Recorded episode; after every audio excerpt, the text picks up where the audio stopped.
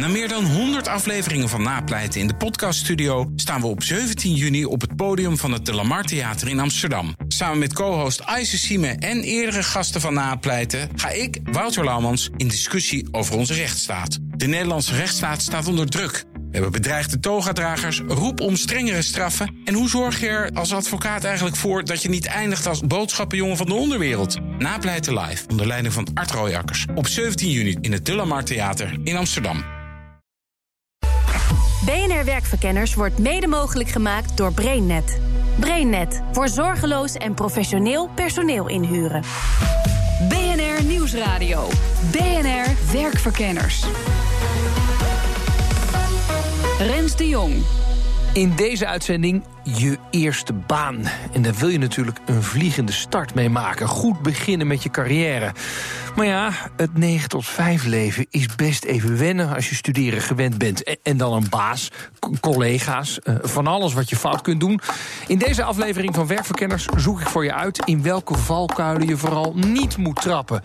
Want start op de arbeidsmarkt, het is al werk genoeg komt een organisatie binnen en dan moet je eerst nou, kennis maken met, nou, niet alleen met de mensen, maar ook met de procedures, de processen, nou, waar je heen moet om informatie te krijgen. Elke organisatie heeft ook zijn eigen cultuur, zijn eigen taal bijna. Moet je ook een beetje leren spreken. En of dat nou in 1960 was of nu in 2017, dat die stap naar de arbeidsmarkt is gewoon echt een uitdaging. Uh, want het vereist totaal andere competenties. Je hele levensstijl wordt op de, op, de hoop gegooid. Uh, je moet ineens uh, netjes op tijd in- en uitklokken. Tenminste, niet overal meer. Maar je ziet ook natuurlijk zeker bij de, bij de professionals. Er zijn best hoge eisen, snel gewerkt, deadlines, targets. BNR Werkverkenners. Rens de Jong. Ik ben Jos Akkermans. Ik ben universitair hoofddocent bij de Vrije Universiteit van Amsterdam. Jos, waar doe je precies onderzoek naar? Nou, ik doe met name onderzoek naar duurzame loopbanen. Dus, dus eigenlijk de vraag van, goh, hoe kunnen we er nou voor zorgen dat mensen niet alleen een fijne, goede loopbaan hebben, maar dat die ook over de tijd duurzaam blijft. En daarbinnen uh, doe ik bijvoorbeeld veel onderzoek naar employability, dus inzetbaarheid. Hoe, hoe kun je ervoor zorgen dat je, uh, dat je inzetbaar bent en blijft op de arbeidsmarkt? En uh, ik heb altijd al een speciale interesse gehad. En daarom zit ik waarschijnlijk hier voor jongeren. Dus uh, studenten, young professionals. Uh, en, en met name ook de stap tussen die twee. Dus de school-to-work transition, zoals we het noemen. We willen graag onderzoeken wat valkuilen zijn voor mensen die net met een baan beginnen. Ja. Zijn die er? Ja, genoeg. Ja? Legio. Ja, ja dat, daar doe ik uh, heel veel onderzoek naar. Dus dat, uh, uh, ja, er zijn heel veel uitdagingen, denk ik, voor jongeren. En ik denk dat die, die stap naar de arbeidsmarkt ook nog steeds wel eens onderschat wordt. Mm -hmm. um, als je kijkt in de wetenschap, dan zie je dat er um, al jaren heel veel onderzoek wordt gedaan, terecht ook, naar, naar, naar oudere werknemers. Hè, dus eigenlijk de stap richting pensioen. Zeker met de, met de hoger wordende pensioensleeftijd van hoe kun je mensen nou gemotiveerd houden. En ik roep dan altijd, ja, maar als we duurzame loopbanen willen creëren, moet je niet pas beginnen als de 50 gepasseerd zijn. Dan moet je eigenlijk al gaan kijken naar jongeren. En de stap naar de arbeidsmarkt en die vroege loopbaan. En dat wordt vaak nog wel eens gedacht van, ja, dat komt wel goed. Ja. Omdat als je naar de statistieken kijkt, het, op zich, mensen vinden wel een baan, groeien wel redelijk door. Maar toch zie je dat het voor, uh, voor studenten een ontzettend stressvolle periode is. Um, en, en dat vaak de match echt een stuk beter kan. En eigenlijk begint je loopbaan altijd als je studie. Dus dat je dan nog gaat nadenken, joh, wie ben ik nou? Wat wil ik? Waar ben ik goed in? En een andere valkuil is ook, uh, en dat sluit daarop aan, is wat past bij mij. Mhm. Mm -hmm.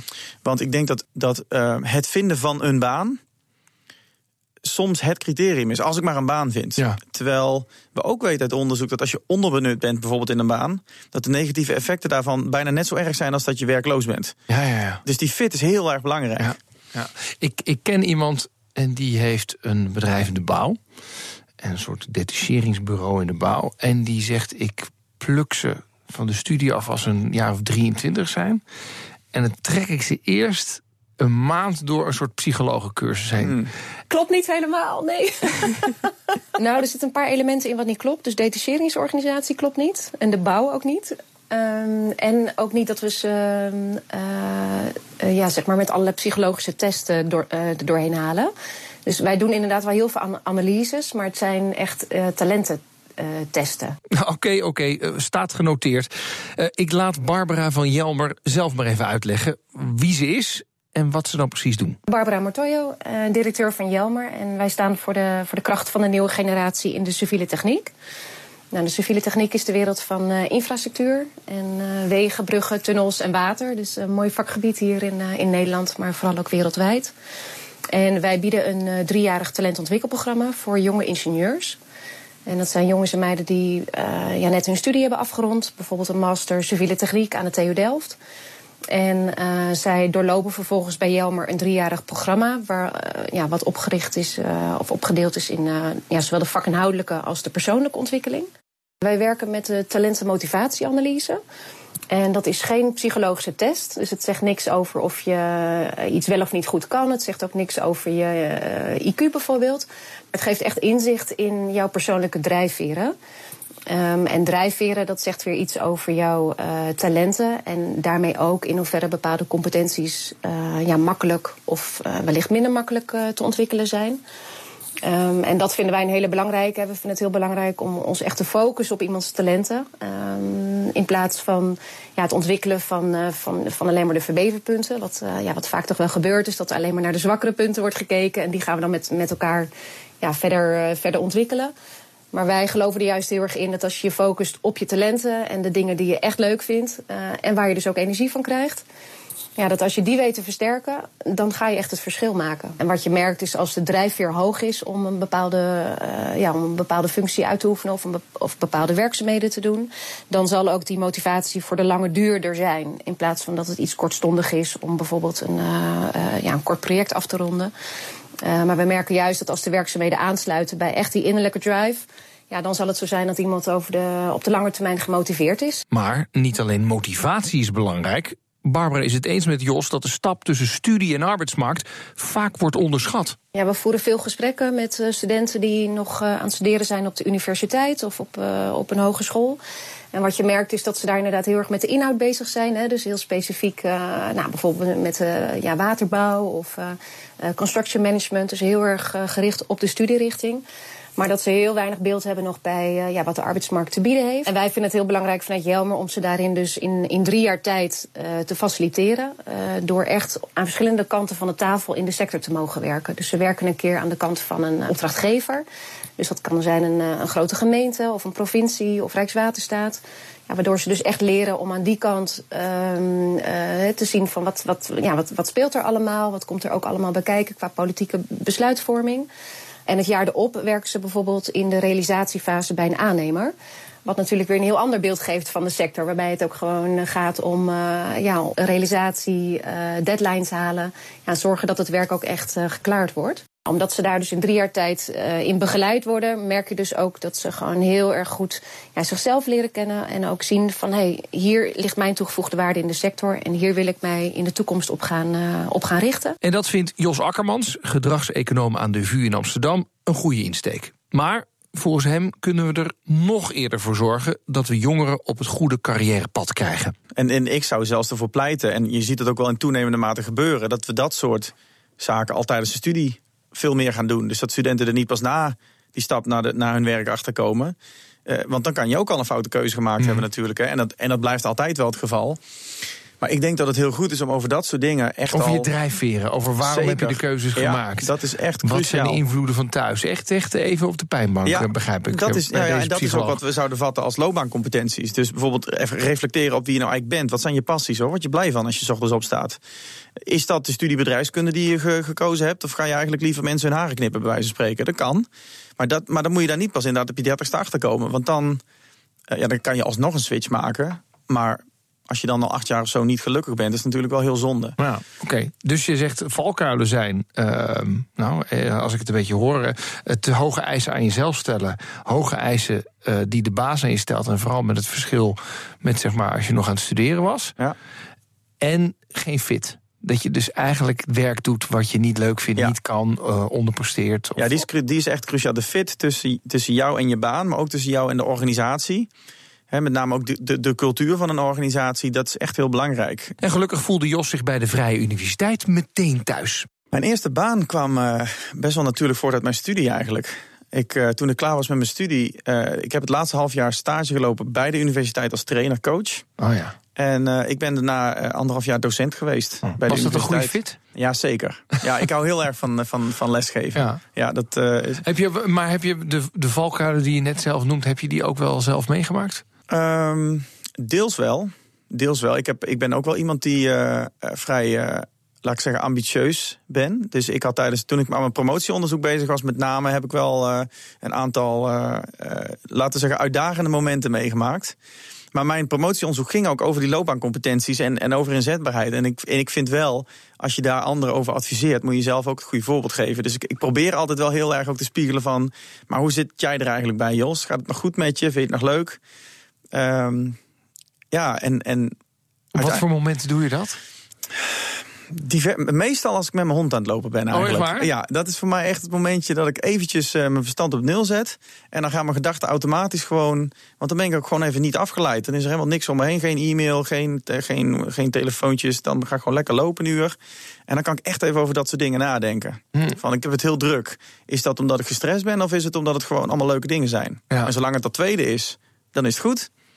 En soms besef ik me ook van, oké, nu, nu even geen nieuwe projecten meer aannemen. Eerst even afronden. Ja, ja, en dat doe je dan ook daadwerkelijk? Ja, dat word ik wel steeds beter in, laat ik het zo zeggen. Ja, ja, het blijft wel een valkuil voor mij, hoor. het wandelen en het denken wel, maar het doen vind ik altijd nog een... Blijft, blijft ook lastig. Blijft Zeker als er dan weer iemand komt met, oh, dit is leuk, zo dat zouden doen? Ja, natuurlijk. En dan, oh, shit, ja. tijd, wat was en, dat En dat is ook wel een valkuil, hoor. Die balans is echt wel heel belangrijk. Dat je ja kan zeggen, dus proactief bent en kansen zoekt. Maar ook nee kan zeggen als het nodig is. Dat is wel een hele belangrijke vaardigheid. Welke andere vaardigheden je allemaal nodig hebt, dat hoor je zo meteen.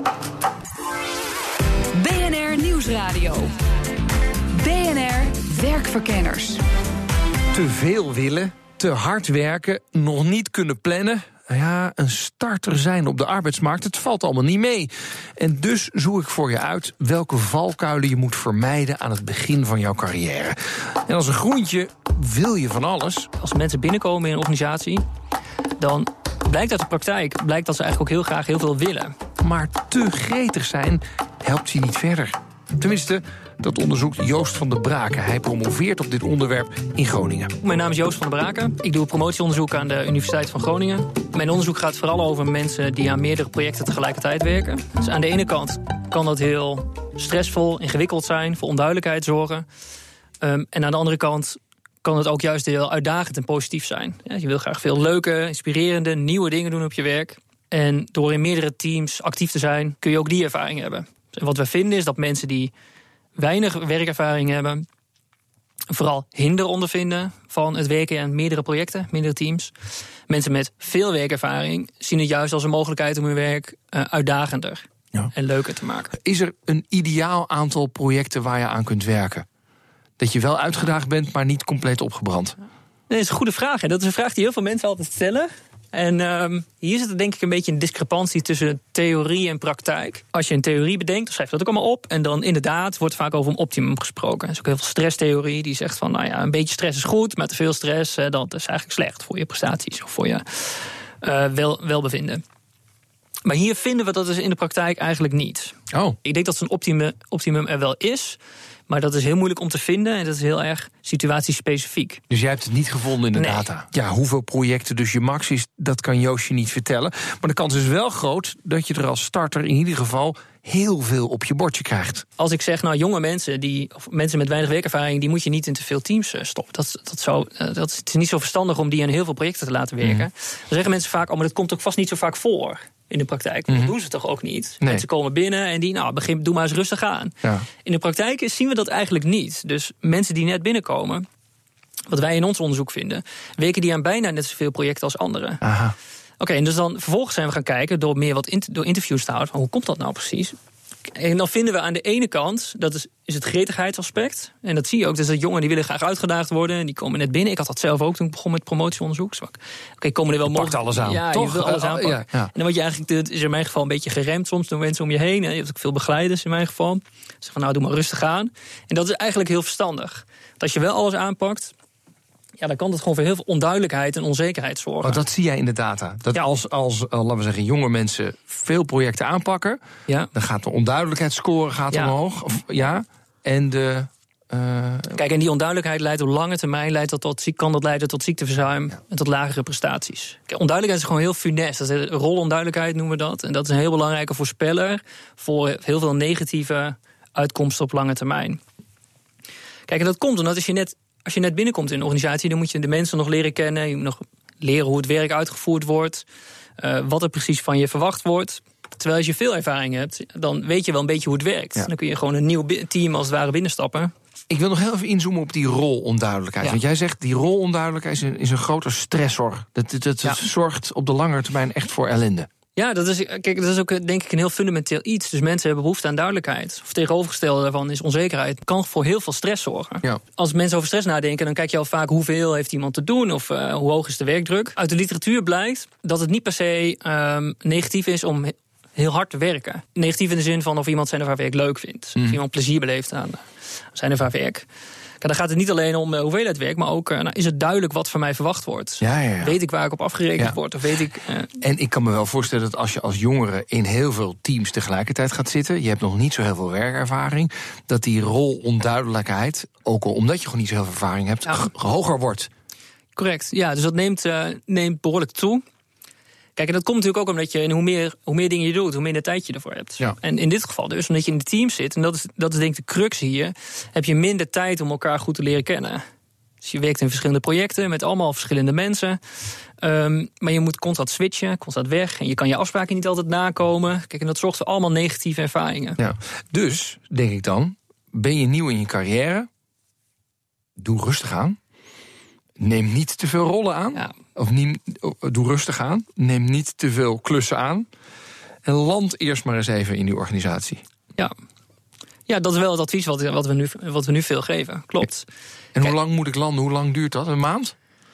Nou, ik, ja, dus dat, ik neem aan, ik denk dat dat verschilt. Dus wat wij gevonden hebben in onze studie. is wel gebaseerd op vrij veel data, maar wel op maar één organisatie. Daar is het ongeveer één à twee jaar. Sorry? 1 à twee jaar. Oh. Dat je echt niet te veel projecten zou moeten doen. Ja. Wat je zeg? Ja. Potverdorie. Ja. Ja, dat vind je veel? Nou, ik vind. Ja, ja nou ja, ik, ik, ik zit even vanuit het, een, het, het werkgeversperspectief. Ja? Dan denk ik, nou, ik neem uh, iemand jongs aan. Die is uh-huh. lekker enthousiast. Die brengt een beetje vernieuwing in de organisatie. Die wil ik overal hebben. Hè? Dat zo, zo, zo hoor ik veel organisaties ook praten. Breng die jongeren maar binnen en infecteer ze met hun uh, digital first gedachten. Zoiets hoor je dan. En eigenlijk zeg jij, laat ze eerst maar even twee jaar landen. Nou, ik, heb twee nu, ik heb nu een probleem, Joost. Ja, dat snap ik. Maar je zou ook kunnen zeggen... focus je dan bijvoorbeeld op kernprojecten en zijprojecten. Dus één project, 80% van de tijd ben je bezig met een kernproject... en heb je nog dingetjes die je ernaast doet. Zo, je kunt er wel vorm geven, hoor. Wat je ook zou kunnen doen, is dat je zegt... nou, ik werk wel, ik ben wel betrokken bij meerdere projecten... maar ik, eh, nou, ik doe dat in segmenten. Dus ik werk deze week, werk ik alleen daaraan. Of op desnoods deze dag. En de volgende, volgende week of dag werk ik aan het andere project. Dus je kunt denk ik als management daar wel veel aan doen. Maar goed, ik vind het interessant dat je dat zegt. want Dat is precies wat wij ook, eh, wat we ook hebben gevonden. Als je met managers, managers in gesprek gaat, dan zeggen ze ook: Oké, ja, god, dat wist ik niet. Want als ik een nieuwe man binnenkrijg, dan laat ik die juist in meerdere projecten Ja, werken. joh, maar je wil ze, eh, in het geval van BNR, wil je ze geel kleuren. En je wil denken, ah, eh, vers bloed, hartstikke goed. Ja, Weet je, en dan als iemand, en die is gretig.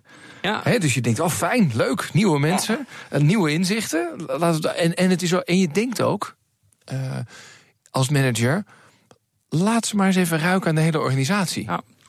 Maar jij zegt eigenlijk, dat kan voor heel veel rolonduidelijkheid zorgen. Op lange termijn kan het voor onduidelijkheid en voor stress zorgen. Ja. Ja, Nou ja, klopt.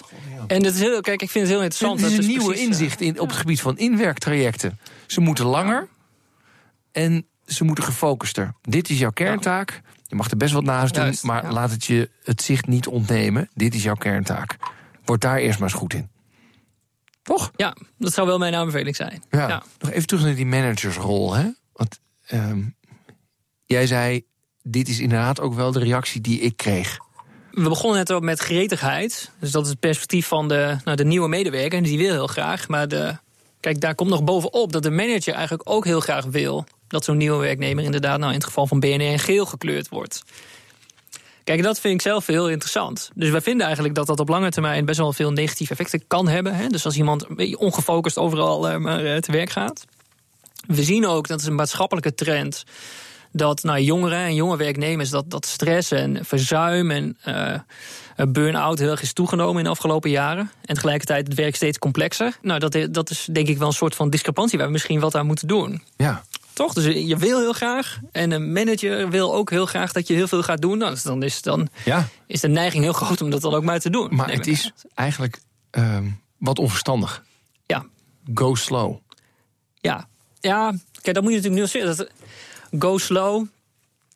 Ik vind focus, had je het net over. Focus, dat dat ja. lijkt me heel veel. Ja, ja, en dat, beter- kan, ja, dat ja. hoeft niet. eh, je kunt best hard werken. Hard werken, maar Ja. wel eh, eh, hou, hou voor ogen waar mensen ervoor zijn. En geef ze daar een heldere Ja. directie, of een, een, een richting in, zeg maar. Ja. Ja. Niet te veel taken tegelijkertijd, heldere verwachtingen. En vervolgens ook ehm, kun je ook nog sturen op wat iemand kan doen om aan die verwachtingen te voldoen op lange termijn. Jos Akkermans onderzoekt bij de Vrije Universiteit in Amsterdam hoe je een duurzame loopbaan op kan zetten. En ook hij ziet jongeren vaak te gretig beginnen. Eh, dat is de reputatie die heel veel jongeren hebben. Hè. Ze willen zo snel, ze willen zoveel. Ik denk dat er wel een kern van waarheid in zit. Je, je merkt wel, je ziet het bijvoorbeeld in het recruitmentveld heel erg veel. Hè. We, eh, best wel veel van onze alumni gaan de recruitmentwereld in. En als je dan wat meer ervaren recruiters spreekt, dan zeggen ze vaak: ja, dan komen ze binnen en na twee, drie jaar leren ze eindelijk de kneepjes van het vak kennen. En dan vinden ze het saai en dan gaan ze door. Ja. Eh, en dat is ook, dat is, het is wel een beetje ongeduld van zo snel mogelijk, zo hoog mogelijk in de boom komen. En wat ook een valkuil is, zegt die promovendus, ehm, eh, de, de verschillende rollen die je meteen al krijgt als je jong in je carrière zit. Dus het is niet één taak, maar het zijn er meteen drie. Leuk, maar ook stressverhogend. Zeker. Ja, Ja? dat klopt wel. Als je, als je, ik denk dat je dat heel mooi kan linken aan, aan wat we employability noemen. En, en een van de vijf aspecten van employability is balans. Dat is niet alleen werk-privé-balans, maar ook gewoon balans in je taken, balans in, je, in, je, in, in wat je doet. En ehm, wat wij bijvoorbeeld een paar jaar terug in een studie hebben gevonden, is dat eh, variatie in het werk, wat vaak gezien wordt als een hulpbron, dat het voor jongeren soms ook een stress ook kan zijn. Dat, dat te veel, want ze zijn natuurlijk al aan het wennen. Het is een nieuwe levensstijl, nieuwe verantwoordelijkheden. Je bent een beetje je identiteit aan het zoeken als je net begint met werken. Als je dan ook nog eens allerlei verschillende taken moet doen, dat is leuk, precies. Maar ook wel overweldigend soms. Eh, dus dat ben ik wel eh, Ja. met hem eens, ja. Dus als je in een nieuwe baan komt als jongeling, niet meteen alle, alle dingen aangrijpen. Gewoon even wennen. Mijn, mijn kind moet binnenkort wennen op de kleuterschool, maar ik begrijp dat studenten nou ja, ook moeten gaan wennen aan hun Het is in ieder geval de balans zoeken. Want, Ja. want, want ik, weet je, het, het lastige is aan de ene kant, ja, je, je moet niet te gretig zijn. Maar aan de andere kant weten we ook dat de arbeidsmarkt wel nu zo is dat, je, dat productiviteit gewoon heel belangrijk is. Ja. En daarmee wil ik niet zeggen dat productiviteit de norm moet zijn.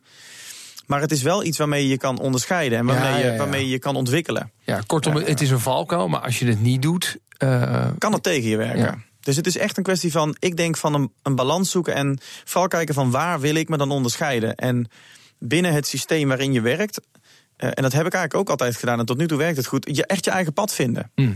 Mij werd vaak, toen ik op mijn tenure track zat, gezegd, focus nou echt op je publicaties, de rest komt wel. En ik heb me eh, ook op mijn publicaties gefocust, maar ik heb ook allerlei opleidingen gedaan op het gebied van onderwijs. En uiteindelijk had ik in drie van de vijf jaar een vaste aanstelling binnen. En daarmee wil ik niet zeggen dat het altijd zo makkelijk gaat. Maar ik denk dat het heel goed is om ook weer na te denken: wat past bij mij? Wat is mijn strategie en hoe Ja. kan ik dit doen? leer jezelf dus kennen. Dat hoor ik je elke ja, keer zeggen. absoluut. Ja. absoluut. Ja, jezelf leren kennen dus. Maar ja, wie je ook bent, je moet wel focussen, is het advies van Joost. Als ik dan toch iets zou mogen zeggen, dan eh, zou ik aanraden om inderdaad te focussen op een beperkt aantal taken en projecten. Dat zou wel echt een aanrader zijn. En, eh, en, ik, en ik zou dan erbij gaan zeggen. Volgens mij moet je een bijsluiter voor die mensen. Van wat zeg je dan tegen je baas? Want je wil namelijk volgens mij als jonge Ja. werknemer niet meteen nee zeggen. Ja. Dus je moet het op een of andere manier moet je het wel kunnen onderbouwen. Want Ja. die baas die hebben we nog niet opgevoed. Die luistert misschien nu vandaag ook. Dat zou mooi zijn. Maar je moet wel zeggen, joh, ik wil me eigenlijk focussen op dit. En op de lange termijn blijkt uit een onderzoek van Joost eh, van de Braken. Ga ik dan beter renderen? Toch? Een soort, Ja. een, een- een soort van de Braken bijsluiter moet erbij komen. Nou, het is wel, het is wel, wel een goed punt. Dat het heel, dat, die ervaring heb ik zelf ook. Dat het heel moeilijk is om nee te zeggen. Dat je dat eigenlijk niet wil. En eh, dus ik heb, eh, wat ik zei, ook in de, in de organisatie waar ik zelf onderzoek heb gedaan, ook meerdere mensen geïnterviewd. En de wat meer ervaren mensen, die zeggen dan ook van. eh, op een gegeven moment zeg ik ook gewoon nee tegen projecten. Ik zit nu vol. Maar we hadden het over, is er een optimum? Ja. Nou, dat vinden we niet in de praktijk. En ik denk dat het komt omdat mensen op een gegeven moment nee leren zeggen. En voor jongere mensen is dat misschien wel veel moeilijker. Mensen die net binnenkomen. Dus dan ligt een taak ook wel een beetje bij de manager. Niet Ja. te veel te vragen. Ja, Ik vind het zelf ook heel moeilijk om nee te zeggen. Dat doe ik eigenlijk ook bijna niet. ik ook niet. Nee. Nee, en, en toch heb je achteraf spijt. Want je wordt er niet beter van, je wordt er niet gelukkiger van. Ja, je werk wordt niet beter en toch zeggen we niet nee. Dus kortom, wees enthousiast, maar probeer jezelf een beetje in toom te houden. En daarmee zijn we aan het einde gekomen van deze BNR Werkverkenners. Kom vooral eens langs op onze LinkedIn-pagina. En heb je deze of een andere uitzending gemist? We zijn terug te luisteren via de BNR-app of iTunes. Tot de volgende. BNR Werkverkenners wordt mede mogelijk gemaakt door BrainNet.